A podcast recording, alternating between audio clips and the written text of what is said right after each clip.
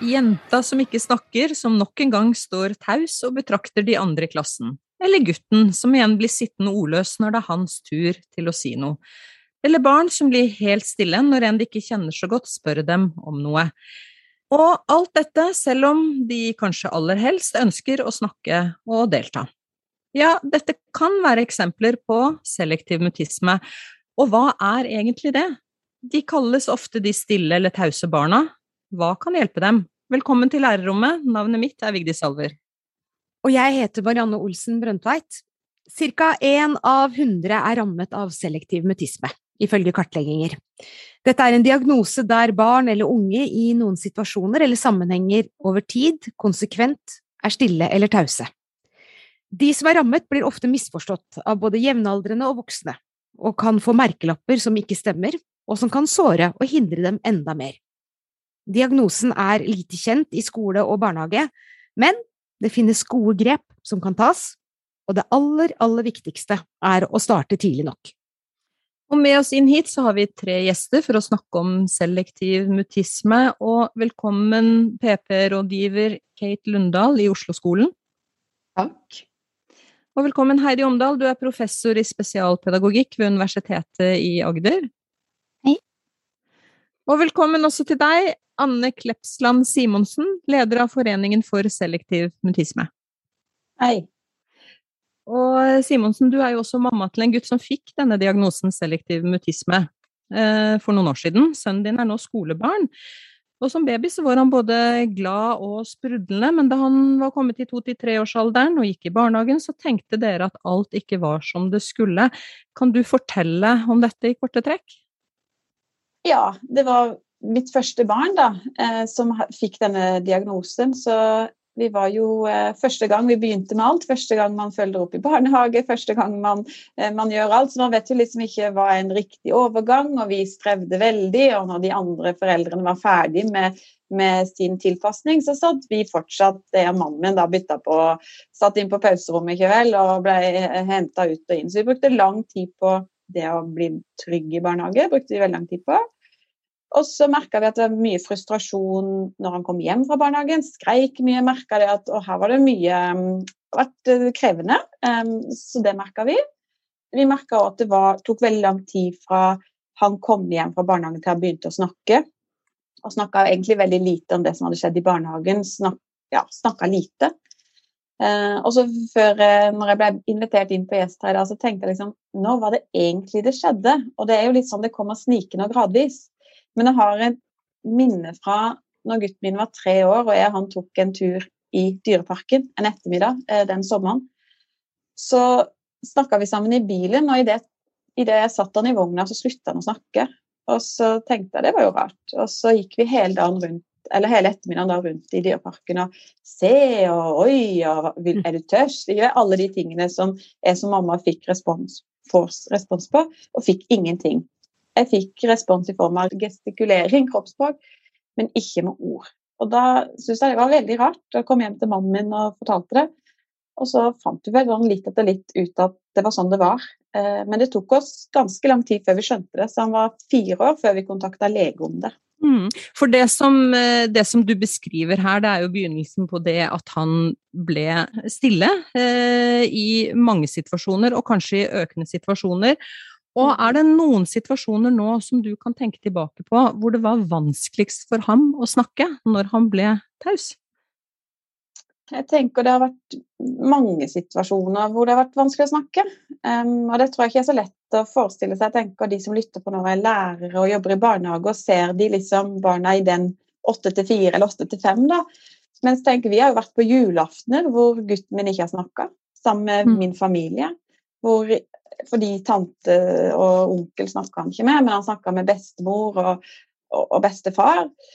Så det er så mange situasjoner som egentlig er veldig såre da, for, for denne, disse familiene som strever med dette her. For det er så mye mer enn den hverdagen som dere ser eh, barnet vårt i. For det er hele livet vårt. Mm. Og det er mm. veldig sårt, eh, spesielt dette her med Det er jo barn som ikke snakker med besteforeldrene sine. Vi har vært så heldige at Vår gutt har alltid snakka med besteforeldrene sine. Men vi har hatt lenge sånn at vi kunne telle på hendene hvor mange han prata med. Det var seks stykker. Det var oss tre i familien og, og, tre besteforeldre. Og det er klart at det er veldig få mennesker, og da blir du veldig selektiv til ting som er veldig hyggelig, som å bli bedt av andre venner ut og gå tur sammen i skogen. Sant? Alt det blir veldig vanskelig, for da må du hele tida avveie skal vi si ja til det, eller skal vi si nei fordi gutten må få lov å snakke. Eh, han, mm. han, får ikke snakka hele uka på, på, i barnehagen, så man får, får, lov å snakke da i helga. Sant?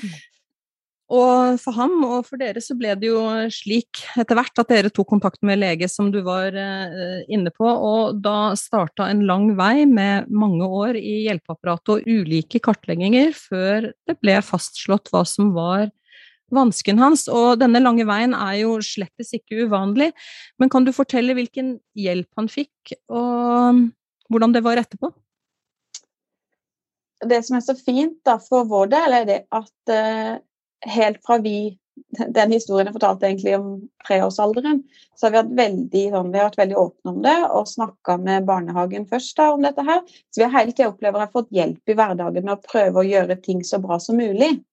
Eh, men det er jo den usikkerheten når ikke du vet hva det er, men du vil så gjerne hjelpe barnet ditt. Du er jo veldig sårbar når en ser at barnet sitt er annerledes enn de andre. Og, og hva er dette, hva kan vi gjøre for å hjelpe? Eh, og så kommer man da, som man sier, til lege, og så lege Da var det både PPT inn i bildet i barnehagen, samtidig som lege da henviser til sykehuset og til noe som heter HABU. For sånn ganske stor kartlegging. Men det tok jo da fra fire år, så fikk han endelig diagnose når han var seks år. Og, vel, og da forteller jeg allerede fra at han var taus når han var tre år. Og det er tre år av livet til mitt første barn, da, som man er ekstra sårbar og vil hjelpe og ikke vel, vil alt godt her i verden. Så det er liksom For de familiene dette gjelder, og jeg kan jo snakke for meg sjøl, det er en sånn kjempekrise. Og jeg gikk rundt i sånn alarmmodus hele tida. Um, og egentlig det å endelig få den diagnosen òg, da, så var ikke Det gjorde ingen forskjell. Jeg var fortsatt i krise. Mm. Og, og, det er òg litt sånn som jeg tenker er veldig viktig med dette, denne podkasten og det som er mitt budskap her, at den innsatsen du som lærer eller du som eh, barnehagelærer gjør hver dag, den har veldig stor betydning. Um, og så har vi en kjempejobb å gjøre med at uh, hjelpeapparatet uh, kan bli enda flinkere til, mm. til, å gi rettledning og liksom, konkrete tiltak til hva som skal til. Men det er veldig mange gode krefter der ute, og alle, all innsats teller. Det er mm. egentlig mitt sånn budskap. At vi, er, vi, gjør alle feil. Jeg har gjort masse feil opp igjennom når jeg har lært mer om hva dette er. Så, skjønner jeg at han har utfordra masse på de feile tingene. Men det at vi prøver sammen å finne små mål, små muligheter hele tida, uh, det er målet. Og så tenker jeg i rollen da som forening, så har vi en kjempejobb å gjøre med å gjøre dette kjent for nettopp sykehus og hjelpeapparatet for å få gode behandlingstilbud. Eh, arbeidet i foreningen skal vi komme tilbake litt seinere ja. i denne episoden, men i dag så, så, snakker jo sønnen din igjen også på skolen og utenfor mm. hjemmet. Og hvis du skal trekke fram det aller viktigste, hva, hva var det som skulle til? Det aller viktigste det er faktisk den jobben jeg og mannen min har lagt ned um, i alt det vi har holdt på med. Og uh, jeg kan huske påska, da gutten min var uh, fem og et halvt år, så utvida vi snakkekretsen hans med et nytt familiemedlem som er i Neshammer. Og da brukte vi altså 24 timer, og han var så glad i henne, den største helten i livet hans sitt uh, den dag i dag. Um, men han klarte ikke å få til å snakke med henne. Men hun kom på overnatting, og hun visste veldig godt at målet var og at nå skulle vi prate sammen alle sammen. Um, og vi lurte det til gjennom masse leik og rollespill, og vi hadde det bare gøy. Og plutselig på kvelden når de skulle legge seg, så, så sprakk eh, på en måte ballongen. Um, og så, um, så løsna det, og siden har det løsna mellom de to. Og det er vel det vi har opplevd, at det at vi finner de målene, og det løsner, da går det seg gradvis til. Og så går det litt tilbake igjen nå. Men det absolutt utløsende for vår gutt eh, for å klare nå å snakke på skolen med alle, det har rett og slett vært et miljøskifte. Um, at vi har bytta skole og flytta by. Og det er en ganske mm. sånn stor greie, og jeg tror ikke det kan hjelpe alle. Men for vår del så passa det inn i veldig mye annet. Vi har gjort masse gode tiltak og eh, ja, nådd mål, da. Som mm. gjorde at det var vi klare for. Um, så nå, eh, den hverdagen vi har nå sammenligna for ett og et halvt år siden, den, det er to forskjellige verdener to forskjellige verdener og historier om krise som vi hører her. Heidi Omdal, du har jo forska på selektiv mutisme og står annet bak boka Når barnet unngår å snakke. Og aller først, hva er selektiv mutisme, og hva vet du at forskningen sier om årsakene? Ja, selektiv mutisme er jo en angstlidelse.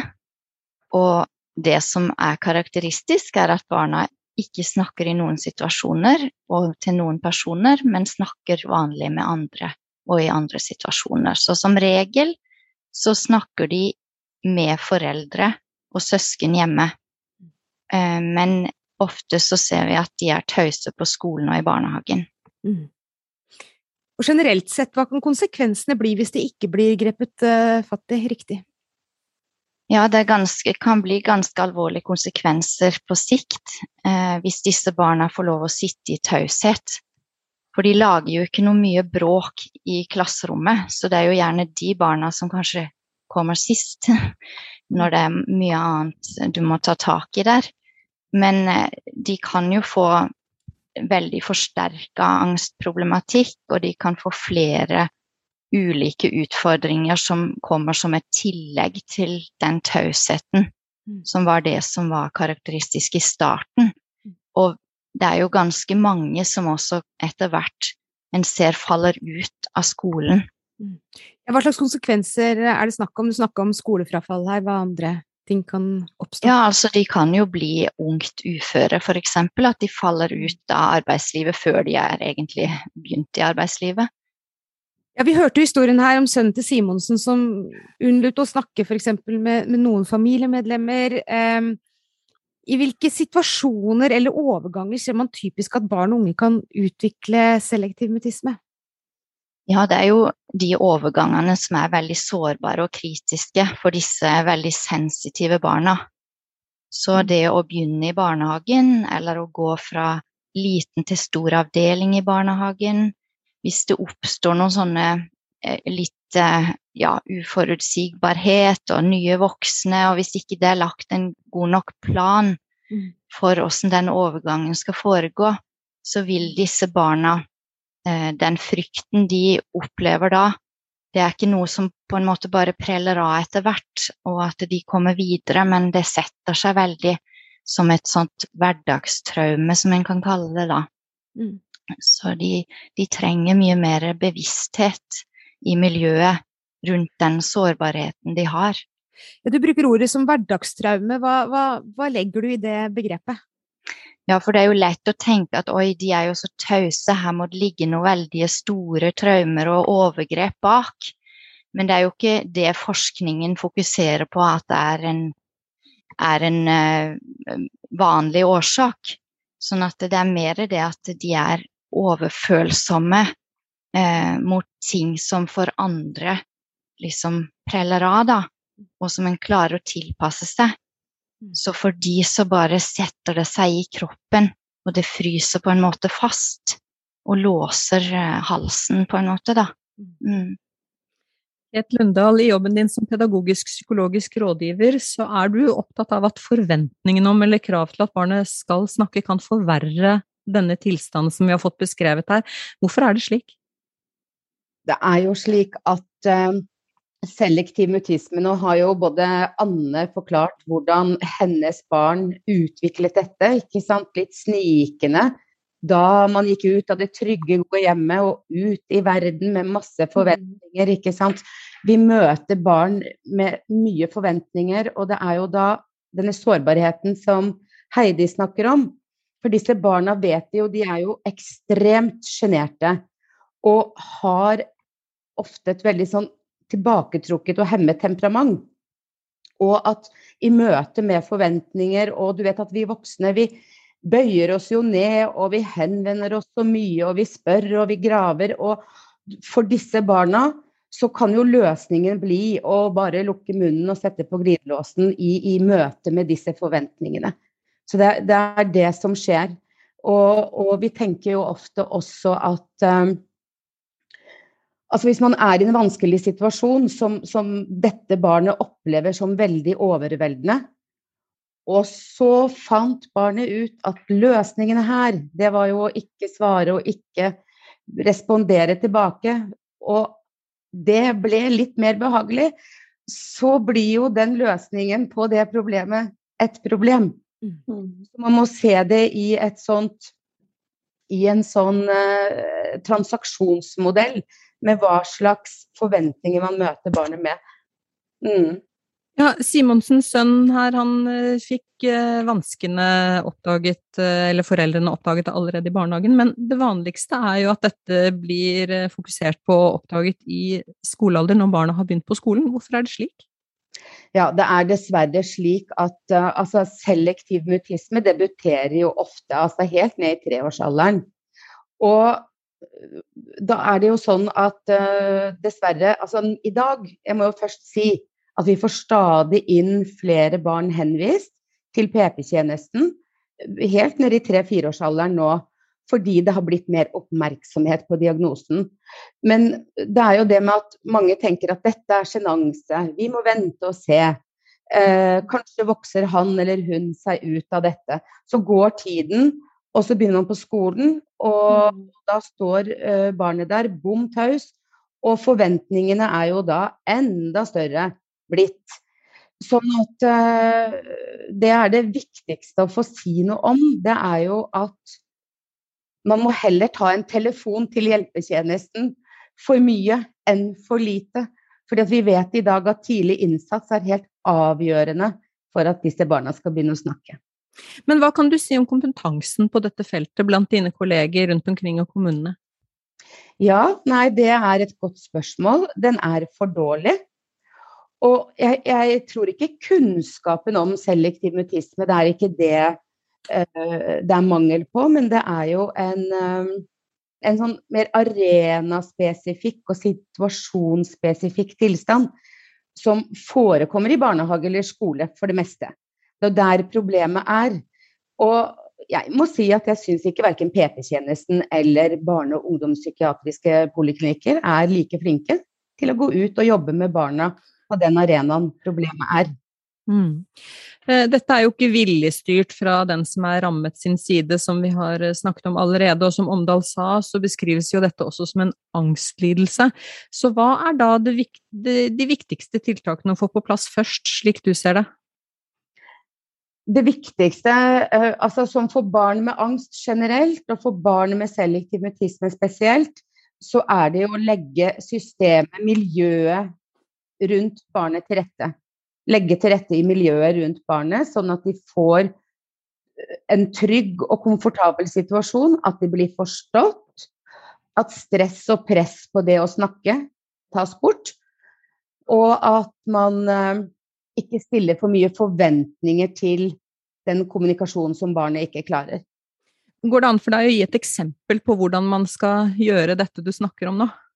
Ja, vi kaller dette for å, å defokusert kommunikasjon, som er jo en måte å samhandle og kommunisere med barna på. Og det betyr at man forholder seg til den kommunikasjonen barnet har for tiden, om det så er at de bare klarer å peke og vise og nikke og riste på hodet. Noen klarer jo heller ikke det. Så man må liksom ta utgangspunkt i barnets kommunikasjon og sette inn trygge voksne som kan lose barnet gjennom dagen og, og for at det skal mestre én og én situasjon. Og hvis dere ser for dere et barn som er helt bom taus, helt stiv av frykt, og nesten ikke klarer å gå fra den ene situasjonen til den andre, ikke klarer å spise fordi de er redde for å lage lyd, så må man på en måte begynne der. Og, og dette avhenger av at man setter inn ressurser på, på tett og trygg voksenkontakt rundt. Skape hyggelige situasjoner og som sagt tar utgangspunkt i den kommunikasjonen barnet har. Som vi også har nevnt innledningsvis og i begynnelsen av denne episoden, så er du også leder for Foreningen for selektiv mutisme, Simonsen. Mm. Og, og, du snakket jo også om eh, du og mannen din sin rolle i sønnen din sitt liv, og hvordan dette, disse, disse nøklene som dere har funnet fram til underveis. Men hva er de første rådene du gir foreldre og foresatte om hjelpen de kan gi eller søke for sitt barn? Jeg tror det som kjennetegner de familiene som har et taust barn, det er at de er veldig gode på Google. Fordi at man får ikke så mye hjelp, så man googler. Eh, og det gjorde jeg òg. Også siden den gangen, som da var tilbake igjen i 2015, så har vi starta denne foreningen, som du sier, og vi har laga et ressursnedsted som heter selektivmutisme.no. Mm. Og der står det veldig mye tips og triks og tidlig innsats og egentlig alt dette vi prater om nå. Eh, for det at den følelsen jeg hadde den gang, det var at man var så aleine. Og det eneste man fant når man googla dette, det var sånn vitenskapelige medisinske artikler, så man ble jo livredd for at guri malla, er dette min, vår familie? Er vi, er vi en av disse? Så vi har prøvd å informere om den tilstanden, hva det er. Både til foreldre, men ikke minst òg til dere da, som jobber i barnehage og på skole, og til hjelpeapparat. Så er både Kate og Heidi våre gode venner og har vært med oss på hele den reisa. Eh, og jeg har vært så heldig å vært en del av et foreldrenettverk som Heidi Omdal organiserte gjennom Universitetet i Agder. Mm. Så jeg tror de som lytter, som er en familie med taust barn, skaff, prøv å finne et fellesskap Mm. Eh, snakk med noen. Um, og som Kate sier, ta en telefon til hjelpeapparatet en gang for mye, eller skriv en e-post til oss som forening en gang for mye.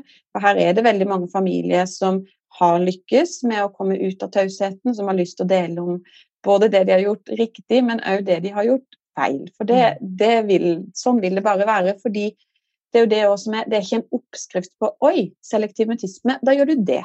Vips, ferdig det er en unik Og det er det som gjør dette så komplekst, og sikkert underdiagnostisert og misforstått også.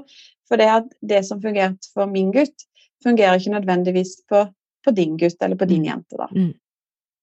Omdal, hvis vi snakker litt eh, videre om det med samarbeid og, og kommunikasjon her. Er det vanlig at en med, som har barn med selektiv mutisme, blir feiltolket?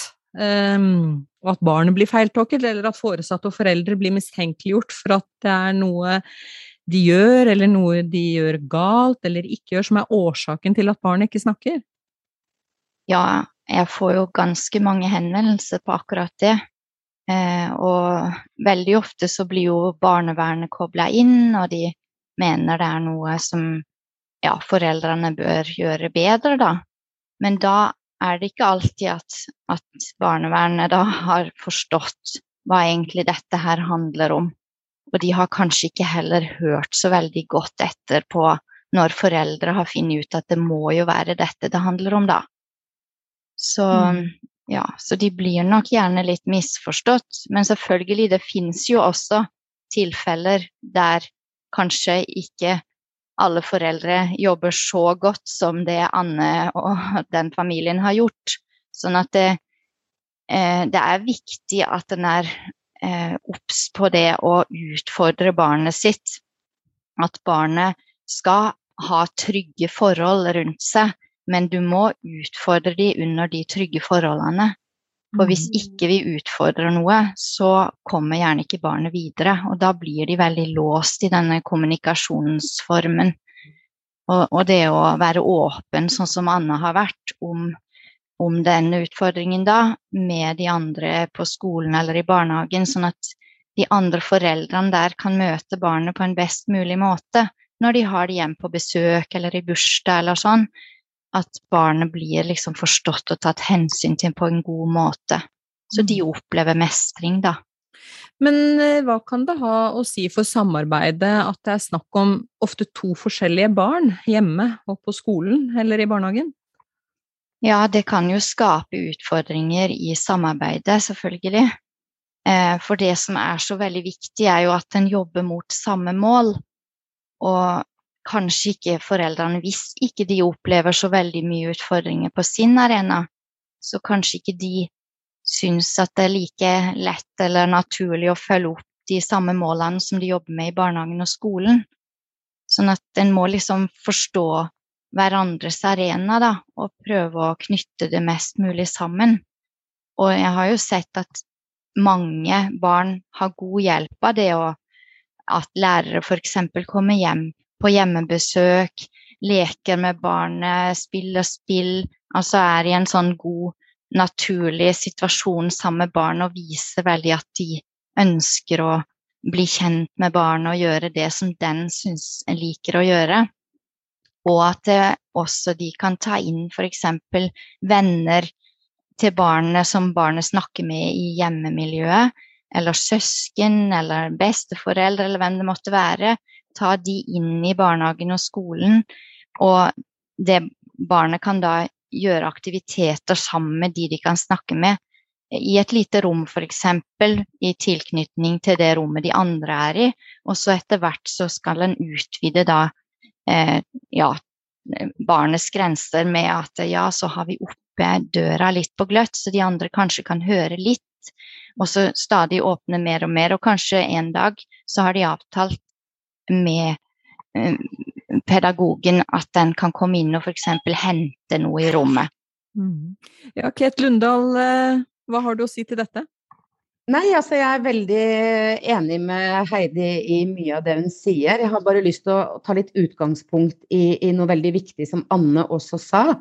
Og det er mange foreldre som føler seg alene med dette problemet. Og det gjelder også barna selv. Mange barn forteller jo når de kommer ut av dette at de, de føler seg veldig alene. Og når vi møter et barn med selektiv mutisme og forteller at flere kan ha det sånn, så ser du liksom at øynene åpner seg opp. Og, og, at de blir litt lettet over å høre det. Og det både barna og foreldrene ofte er reddest for, det er at andre skal oppleve barnet som frekt, avvisende, og, og fordi de ikke svarer, og fordi de ikke sier hei og ha det, og, og disse tingene her. Sånn at noen ganger så blir det at man også kanskje unngår noen sosiale situasjoner da. Mm og det er jo det som er faren uh, ved selektiv autisme, at, uh, at, uh, at, det påvirker den sosiale utviklingen også. Og, um, og det jeg vil si til det, det er at selektiv autisme handler jo ikke bare om å ha problemer med å snakke, og at ordene ikke kommer ut. Det kan være å tørre å være med på ting. Være med i leken, være med i gymmen og i klassen for å få spotlighten på seg. Uh, og, og um, jeg møter jo lærere nesten hver dag jeg, som, som, får helt sjokk når de får sett dette barnet som de har i klassen, på f.eks. en videosnutt hjemmefra hvor de er Noen er jo skikkelig skravlebøtter hjemme og leker og deltar. Og helt stille og stiv i klasserommet. Så det er noe med å se litt sånn helhetlig på, på dette her. Og dette med å hjelpeapparatet være klar over at det ligger jo ofte litt sånn man har ikke lyst til å plage noen, og da blir det ikke til at man tar med hjem, og man kanskje tør ikke å spørre andre. og Det kan jo være i familier hvor man selv også liksom kanskje Det er litt sjenanse og, og, litt sånn typisk sosial engstelse ute og går så er man kanskje ikke alltid like flink til å, å stå på frontlinjen for å hente inn, ta med en barn. Mm. Sånn at eh, på barrikadene, mener jeg, og rope 'kom hjem til oss og hjelp oss'. Mm. Sånn at det blir mer at noen holder seg unna det også, så blir det en vond sirkel. Så dette er viktig å snakke om, og, og, og sammen med foreldre, skole og, og hjelpeapparat, at man får en felles forståelse, og at lærere og barnehagelærere kan hjelpe med å dytte litt på. Mm. mm. Omdal, helt til slutt her, som vi hører eksempler som Lundahl forteller her, så er det behov for individuelle oppfølginger. Samtidig så er det jo veldig komplekse miljøer man skal finne den riktige oppfølgingen i. Så hvis du nå helt til slutt kan gi noen eksempler på kartlegginger som bør komme på plass rundt barn og unge, slik at de kan få de tiltakene de trenger? Jeg tenker jo at eh, jeg, altså jeg er veldig opptatt av det å kartlegge litt miljøet rundt barnet.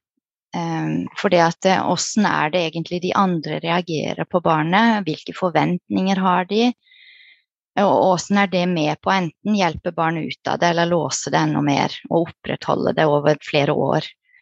Så, for det er jo det de tidligere tause voksne som jeg har intervjua f.eks., sier at det, jeg tror de andre bare ble vant til at det var sånn vi var, og det var ikke så mye å gjøre med det. Så de bare ga de på en måte opp. At det var sånn de var. Og um, så var det jo en gutt en gang som skulle ned til helsesøster og ta vaksine. Og så kom alle på løpende bånd. Og da så ikke helsesøster opp, eh, for det kom så mange. Og så skulle han si hva han hette, for hun skulle skrive ned navnet. Og så sa han hva han hette. Og så fikk hun jo helt sjokk, fordi han hadde aldri snakka på skolen i det hele tatt, og han gikk da i sjette. Så, men hun sa det at hun måtte bare late som ingenting, for det er jo det verste hvis de får et veldig fokus på at de har gjort noe annerledes enn de pleide å gjøre. Så, men hun sa jo det at hadde jeg sett opp, så hadde jeg jo aldri spurt. Sånn at de forventningene som etter hvert legger seg veldig i miljøet til åssen de skal være, og åssen de skal kommunisere, det er med på ofte å låse barnet fast. For du, du snakker annerledes til en, en du ikke tror kommer til å svare deg. Og da enten så snakker du for mye sjøl, eh, sånn at barn ikke slipper til, eller så stiller du bare sånn ja- og nei-spørsmål som barnet kan nikke og riste på hodet. Ja, og denne beskrivelsen eh, lar vi eh, avslutte denne episoden her i lærerrommet. Tusen takk for at dere var gjestene våre, Anne Klepsland Simonsen, Kate Lundahl og Heidi Omdal. Og tusen takk også til deg som hører på oss i lærerrommet. Husk å abonnere på oss i din podkastkanal for å få med deg neste episode fra Lærerrommet. Nå sier Vigdis og jeg takk for denne gang. Ha det riktig bra. Ha det!